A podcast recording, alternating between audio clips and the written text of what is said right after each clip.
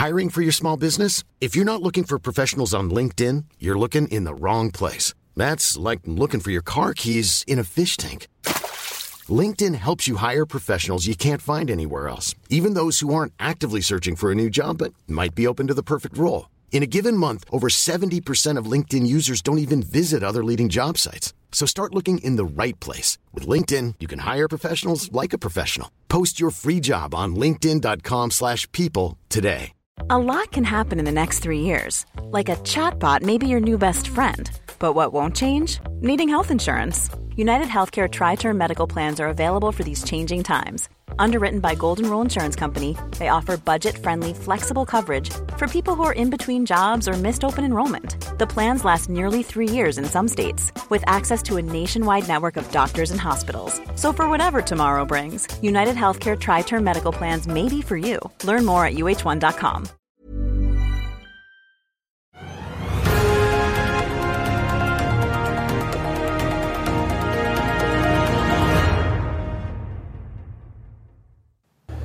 Velkommen tilbake til oss her i Finansavisen. På plass i Arendal denne uken for å eh, treffe både næringslivsfolk og politikere under denne minglefesten. Eh, I dagens eh, sending så får vi besøk av konsernsjef Karl Jonny Hersvik i oljeselskapet Aker BP, som akkurat har overtatt konkurrenten Lundin. Og vi får også med oss sjefen i mobilselskapet Nortel, som er ute med sine kvartalstall. Og så blir det også da aksjetips om ikke så altfor lenge. Hovedindeksen på Oslo Børs den har krøpet jevnt og trutt oppover ut gjennom dagen og er nå opp 1,3% Får også ta med da at eh, nordsjøoljen eh, ligger på 95 dollar og 80 cent. Har krøpet litt oppover, men er likevel ned fra de toppene vi så i juli, da vi så 100 dollar fatet.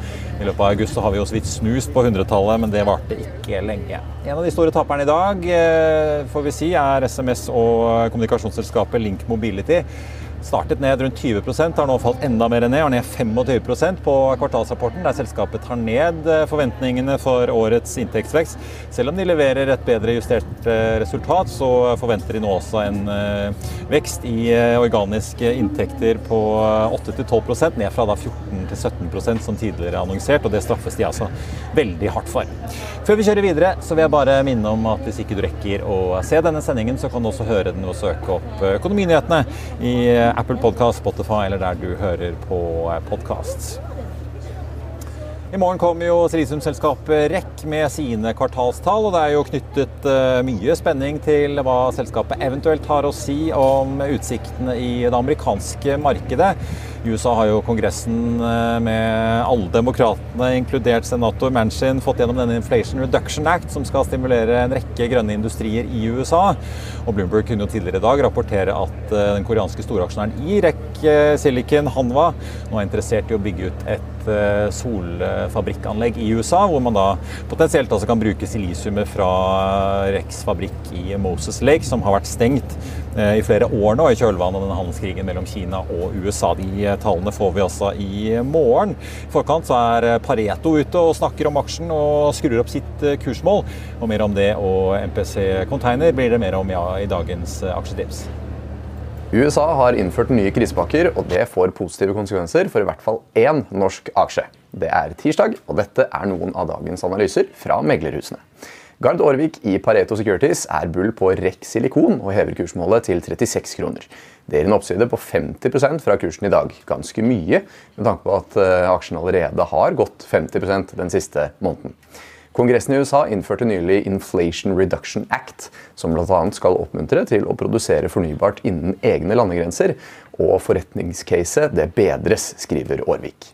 Dette vil være til fordel for hele verdikjeden i USA og gjør innenlandske investeringer og vekst mer sannsynlig.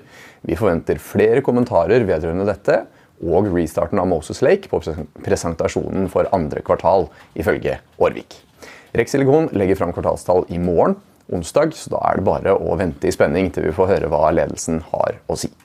Jørgen Lian i DNB Markets han trekker i bremsen på NPC Containerships.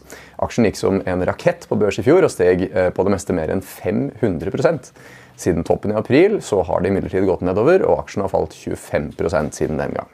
Lian han senker nå kursmålet fra 35 til 29 kroner, som gir en oppside på eh, over 20% fra kursen i dag. Han anbefaler fremdeles kjøp. Vi står her i Arendal der regnet har fosset ned, som vi så tidligere i dag eh, da vi fikk besøk av Norse Atlantic-sjef eh, Bjørn Tore Larsen, som mente at det var godt for eh, billettsalget. Nå begynner været forhåpentligvis å bedre seg litt, og jeg har med meg konsernsjef i oljeselskapet Aker BP, Carl Jonny Hersvik. Velkommen. Jeg tenkte analogien, det skinner jo på din bransje om dagen. Tross av den mørke, dystre bakgrunnen, så er det jo en voldsom inntjening hos deg og alle dine kollegaer i bransjen. Vi skal komme litt tilbake til hvordan det står til i butikken. Men først eh, Alle hadde jo kanskje forventet å se deg på oljemessen og energimessen ONS, som er i Stavanger om ikke så altfor lenge. Men du kommer også til Arendalsuken. Ja, Hvordan er det å være konsernsjef i et oljeselskap eh, midt i Arendalsuken? Eh, nei, det er jo litt annerledes. Eh, ONS er jo litt sånn oljebransjens eh, feiring av seg selv. Eh, så der er man jo på en måte hos sine egne. Mens her er det jo en helt annen debatt som går. Eh, men det jeg synes jeg er interessant. Eh, vi har brukt mye tid på å prøve å forstå liksom, energisystemene og hvordan dette henger sammen. Og, det er klart denne energidebatten som nå pågår, og spesielt i Norge, men kanskje òg mellom Norge og Europa, den er viktig for bl.a. prissetting av våre gassprodukter. Eh, ganske mye fascinerende som har skjedd eh, denne uken. Eh, I dag så satt jeg og hørte på en debatt om Wisting-feltet, hvor du er en lisenspartner oppe i Barentshavet. Som dere har kommet inn i via oppkjøpet med Lundin. Naturvernforbundet er ikke veldig begeistret for den utbyggingen. På den andre siden så har vi da den tyske forbundskansleren Olaf Scholz, som var i Oslo her i går for å besøke Jonas Gahr Støre og skrev varmt om all gassen ja. Norge sender hans vei. Det inkluderer jo gass fra, fra dine felt. Er det en litt sånn schizofren tid, sånn som dere opplever det? Eller hvordan leser dere egentlig da denne, på ene siden det skrikende behovet for energi som man ser fra Europa, på den ene siden, og også den veldig store motstanden dere også møker, altså møter?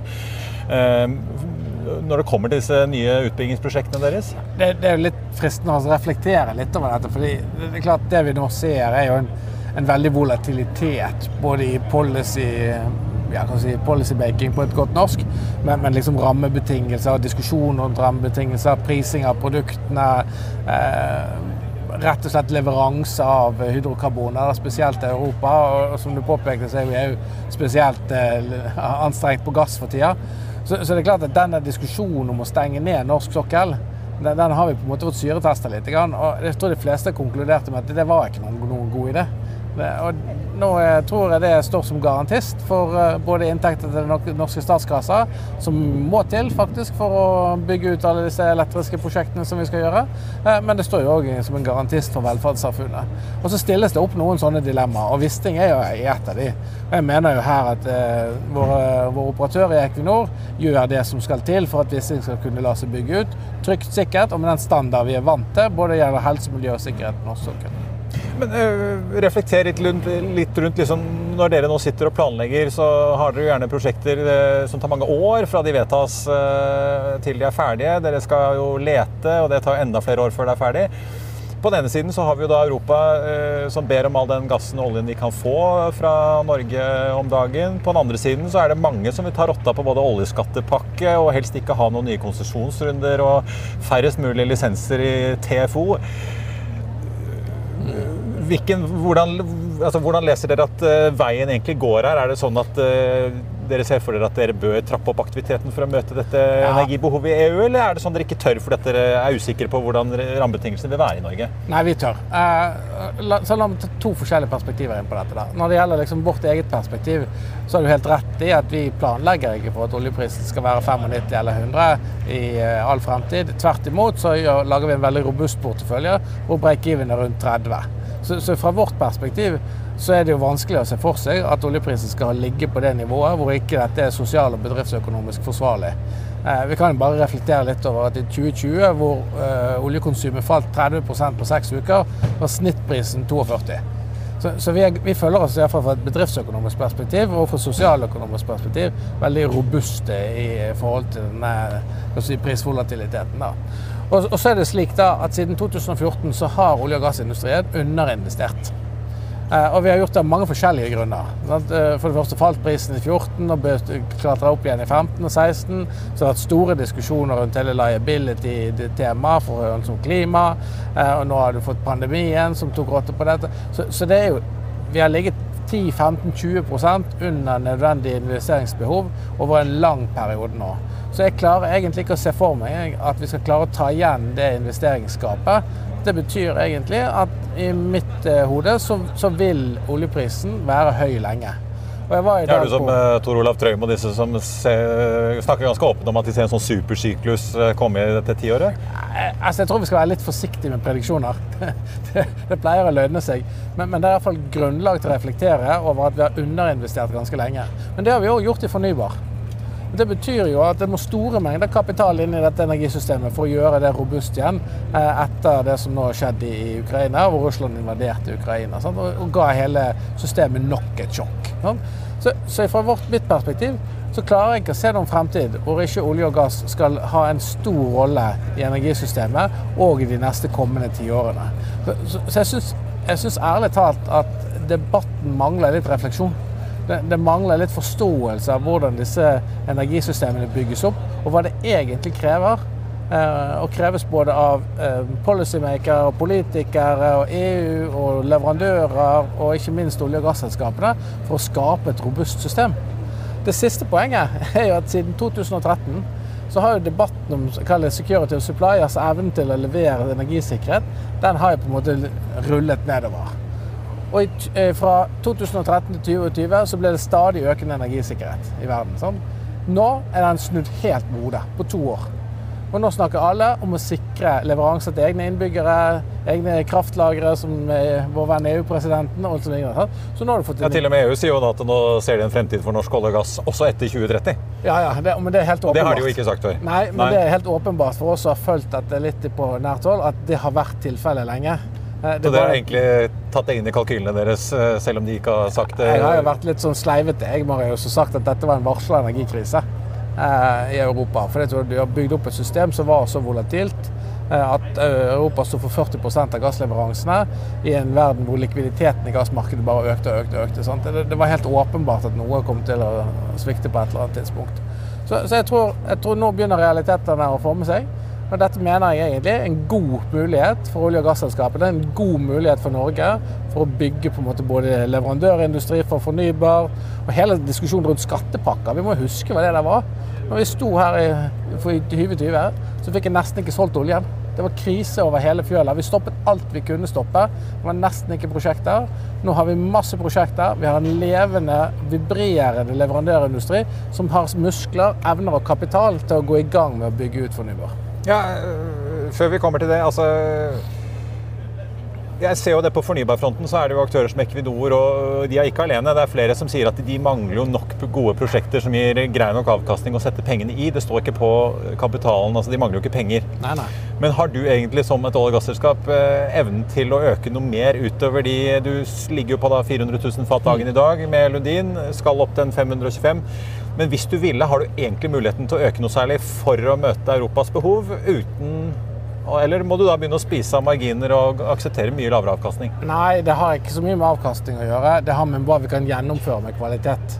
Eh, og akkurat nå så har jo Aker antageligvis, for å si det på godt norsk, bøtta full når det gjelder prosjekter. Og jeg er opptatt av at vi skal være en forutsigbar bedrift som leverer på det vi skal. Vi skal ikke gå i den fella og ta på oss med arbeid det vi klarer å gjennomføre med kvalitet. Så akkurat nå så er det kvalitet på prosjektene som er viktigst for meg. Og, og det er klart vi er det raskest voksende uavhengige olje- og gasselskapet.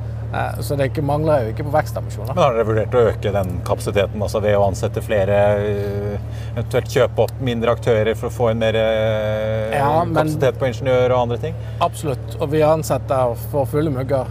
Men du må gjøre det på en måte som gjør at du ikke mister kontrollen på prosjektporteføljen.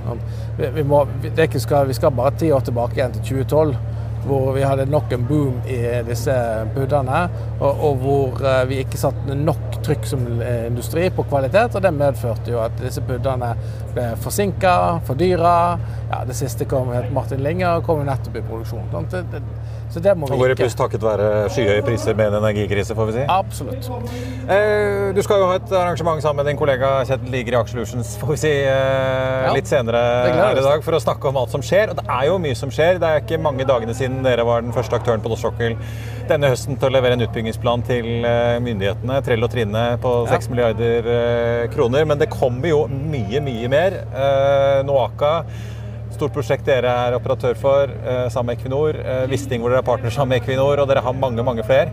Ja, Totalt så skal vi innenfor denne perioden levere 15 budder. Ja.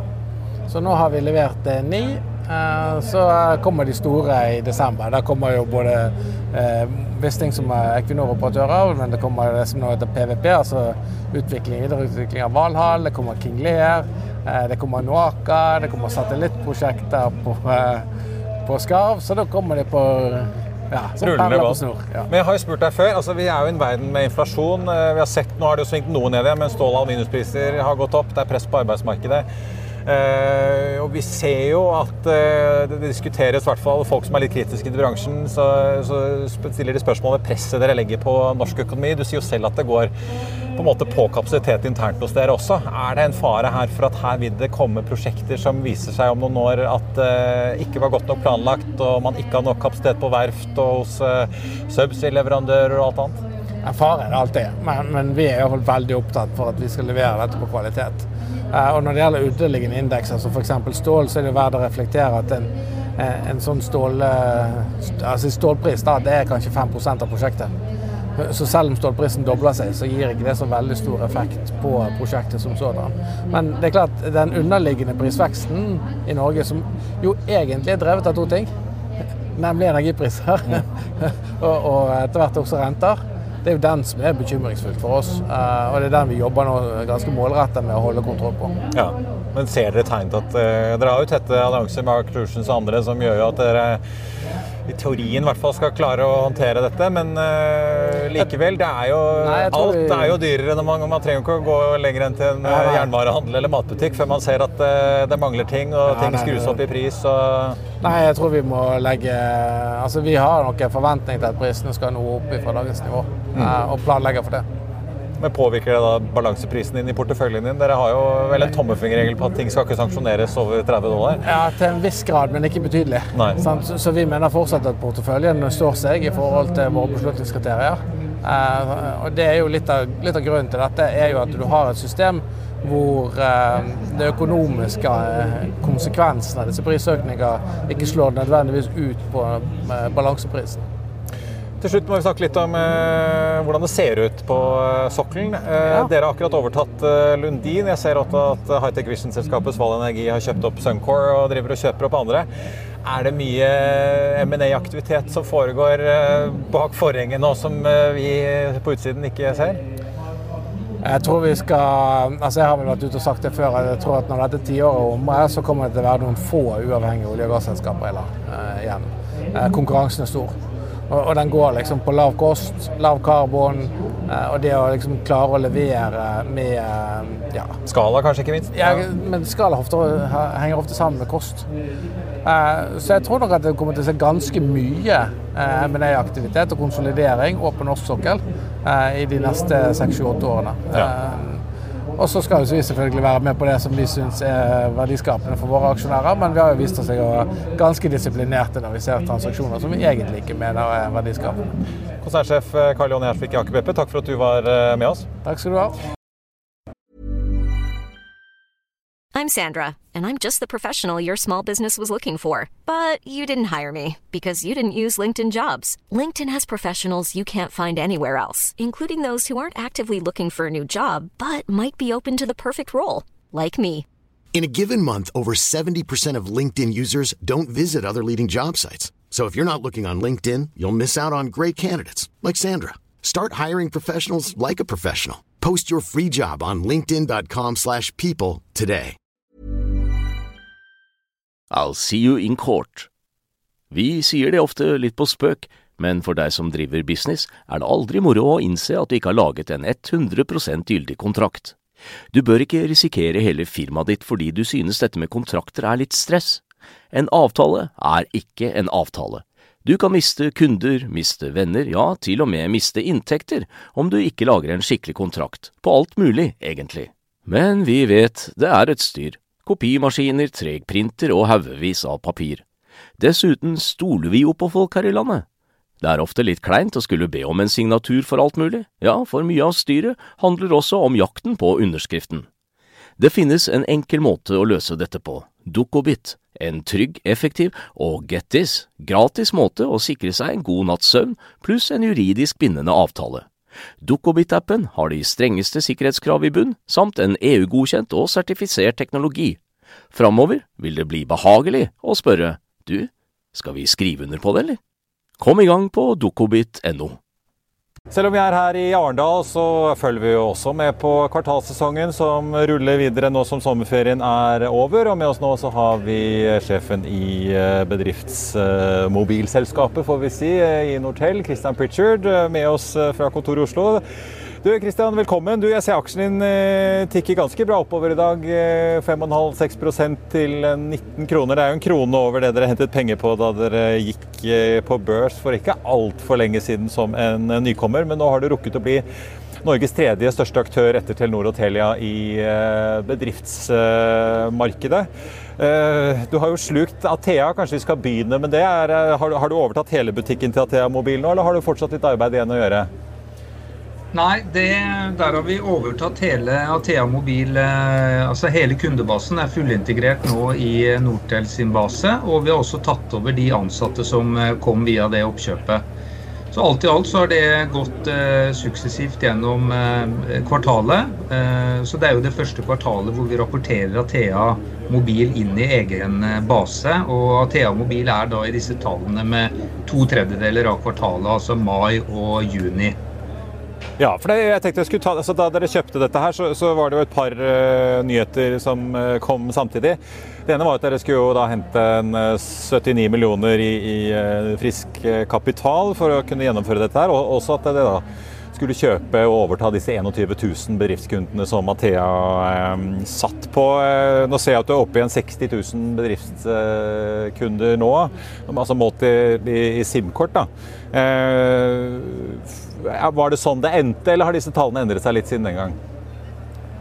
Nei, det, vi har hatt vekst faktisk på uh, Athea-basen som vi kjøpte siden uh, den gang. Og vi har jo hatt en, uh, en fantastisk sterk organisk vekst parallelt med det. Så alt i alt så, så, sa vi jo det at vi skulle passere 58 000 brukere inn mot sommeren. Men vi klarer altså å, å levere helt opp på 60 000 brukere, som vi er veldig fornøyd med. Ja, og hva, hva, hva, tror du om takten eh, fremover? da? Du har selvfølgelig en veldig stor vekst da, i første halvår i og med at du også gjorde et oppkjøp. Eh, hvordan ser det ut i andre halvår, eh, tror du, når nyttårsrakettene går i luften? Nei, altså nå er jo Nortil sånn at eh, Vi er jo rigget for vekst, og vi har jo en fleksibel plattform som gjør at vi, vi kan vokse betydelig i plattformen uten å gjøre eh, noe mer investeringer i den. Og I tillegg så har vi jo forsterket distribusjon, som vi også omtaler i kvartalsrapporten nå, med en avtaleinngåelse med Techstep. Så Techstep blir jo nå en, en, forhandler og en distributør av Nortels eh, tjenester, og vice versa. Så et uh, veldig tett samarbeid er etablert med Techstep, som vi gleder oss uh, å ta fatt på. Og I tillegg så har vi jo andre distribusjonskanaler, som Mobit, som er Norges største forhandlerkjede for, for IT og telekom og et par andre aktører som også har knyttet seg inn i, i Nortel-familien. Og så har vi jo TM-operasjonen, altså eh, telemarketing-delen, som også gir eh, underliggende gode volumer. Så vi, eh, vi, er beredt på å stå i den veksten videre, og alt lover veldig godt for at vi skal fortsette den gode utviklingen. Når tror du at du bikker 100 000, da? Eh, vi har sagt at vi skal eh, opp mot 70 000 sim eh, inn mot jula. Eh, vi er i god fart eh, mot det. Og vi har sagt at vi skal ja, gjennom 2023 skal vi gjøre ytterligere grep for å, for å sikre den videre veksten. Men hvis man ser historisk på tallene, så vil jo det inntreffe en eller annen gang i 2024 vi skal uh, følge med. Jeg tenkte til slutt må vi jo ta litt om, om uh, tallene dine òg. Altså, du øker jo omsetningen ikke veldig overraskende, ganske kraftig til 56 millioner fra 22 da, på samme tid i fjor. Uh, samtidig så ser jeg at resultat etter skatt går fra minus 17 til minus 13. Og du har jo fortsatt en, neg et negativt uh, bruttodriftsresultat i EBITDA-en din på minus 11 millioner da, i første halvår. Eh, tidligere så snakket du jo om at eh, dere ville trenge 15 20 25 000 kunder for å kunne gå i, pluss. Nå er det jo så vil det selvfølgelig svinge litt, men du er jo nå på 60. Når er det vi kan forvente at eh, driften blir, pluss, og du etter hvert også kan begynne å få bunnlinjen i pluss? Nei, Nå ser vi jo lyset i tunnelen på akkurat det. og det er klart at Når vi får et sånt løft i kundebasen, og basen begynner å jobbe for selskapet i forhold til å være recurring på inntektssiden, men jeg skal være litt forsiktig med å guide på eh, når det slår inn og i hvilke størrelser. Men eh, det jeg kan si er at vi ser lys i tunnelen, og at vi er veldig optimistiske på den utviklingen. Og at basen er nå så stor at, at dette ser vi vil skje, skje, innenfor de planene vi har lagt. da. Men kan du være, Jeg skjønner jo at det er vanskelig å kanskje gi et konkret tall, men, men, kan du være litt mer konkret overfor de investorene som kanskje lurer på om du vil måtte hente mer penger før du når det punktet at du går i pluss, eller om du ikke vil trenge det? Nei, Sånn som Nortel er nå, så har vi gode finansieringsrammer med DNB. Og vi har greit med egenkapital, så vi, eh, vi skal være fullfinansiert for å komme oss gjennom det her uten eh, noe mer kapitaltilførsler. Så frem til ikke oppstår andre ting som kan være interessant å se på. Eh, men på driften i dag så, så er det det vi sikter oss mot. Til slutt, Hva er det som er viktigst på produktfronten nå eh, i, eh, hos dere og i, i, bransjen? da? Det har jo vært snakket mye om uh, uh, trådløst bredbånd, altså fixed wireless, som det så fint heter på bransjespråket. Og ikke minst utrullingen av uh, 5G, som jo i hvert fall Telenor og Telia snakker veldig mye om og prøver å kommersialisere så best de kan. Nei, altså Vårt fokus nå det er eh, løftet vi gjør fra serviceprovider til MVNO. Eh, hvor vi blir en fullintegrert eh, MVNO i Telenor sitt nett. Og det gir oss markante forbedringer på marginsiden. Og vi får et produktløft som også blir ganske revolusjonerende i norsk sammenheng, vil jeg si. Vi har jo en, en stor eier som heter Telavox, som er en svensk aktør som er premissgiver for oss i forhold til det nye produktsetupet som, eh, som Nortel nå skal lansere utover høsten og i 2023. Så her er det MVNO-fokus og eh, innholdstjenestene som eh, ligger i, i, top of mind hos oss. I tillegg så jobber vi jo selvfølgelig også mye med 5G. Vi tilpasser oss markedet i forhold til å tilby pakker som er 5G-retta, eh, både på hastighetssiden og på mengde på innhold, eh, sånn at vi alltid skal følge med der. Avtalen med Telenor gjør at vi har eh, lik tilgang på, på 5G etter hvert som det blir rullet ut i, ja, i hele Norge. Og Det vet vi at de jobber flittig med for å bytte ut alt av gamle systemer og bytte over til nye. Christian Pritchard i Nortel, takk for at du var med oss. Og eh, Nortel får vi si, sammen med Gaming Innovation Group. Uh, utvilsomt dagens store børsvinner. Nortel er nå opp 11% Gaming Innovation Group opp 9,6 og snuser dermed også på en tosifret oppgang i dag. På tampen av sendingen så tenkte jeg vi skulle ta en sveip over Oslo Børs. Hovedindeksen er nå opp 1,1% fatt litt tilbake fra den toppen vi så. Likevel 1264 poeng, ikke så verst det. En av de store driverne i dag, Equinor opp 2,94% nå. Aker BP også opp, ikke like mye riktignok, opp 0,3 0,3% Og så får vi også ta med da at uh, Rex Silicon, som kommer med sine kvartalstall i morgen, ned 0,8% Ellers på listen over de mest omsatte aksjene så finner vi både Hydro og PGS eh, som er opp eh, over 3% begge to. DNB 0,7, mens Nell ligger på en oppgang på 2,5 Store taperne i dag, Link Mobility som slapp sin kvartalsrapport og skudde vekstforventningene for i år. Aksjen er nå ned 27% Kraftig kost der, altså. I andre enden så har vi altså Gaming Innovation Group og Nortel, som begge er opp 9,9% nå, 11,1 for eh, Nortel. Nordsjøoljen ligger på 94-97 dollar for ett fat i spotmarkedet. Det er opp halvannen prosent, og dermed klatrer vi litt tilbake etter den nedgangen vi har sett den siste tiden, bl.a. på bekymringer for veksten i Kina og også denne, dette arbeidet med en avtale, atomavtale med Iran, som jo man spekulerer kan gi mer olje inn i markedet. I Finansavisen i morgen så kan du lese Trygves leder om strømmarkedet og Høyres Nikolai Astrup, som er i 100.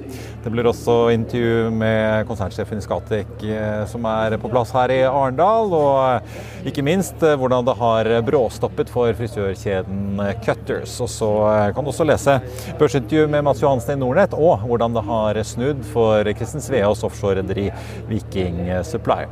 Og det var det vi hadde for deg her fra Arendal i dag, men vi er tilbake igjen i morgen morgen eh, både klokken 9.45 og 14.30, så vi håper du er med oss da. Vi skal ha både en liten oppvarming til rentemøtet, og vi får besøk av børsdirektøren og sjefen i Folketrygdfondet, så det er bare å rigge seg til. I mellomtiden får du som alltid siste nytt på fa.no. Mitt navn er eh, Marius Thorensen. Takk for at du så på, og så håper jeg vi ses igjen snart.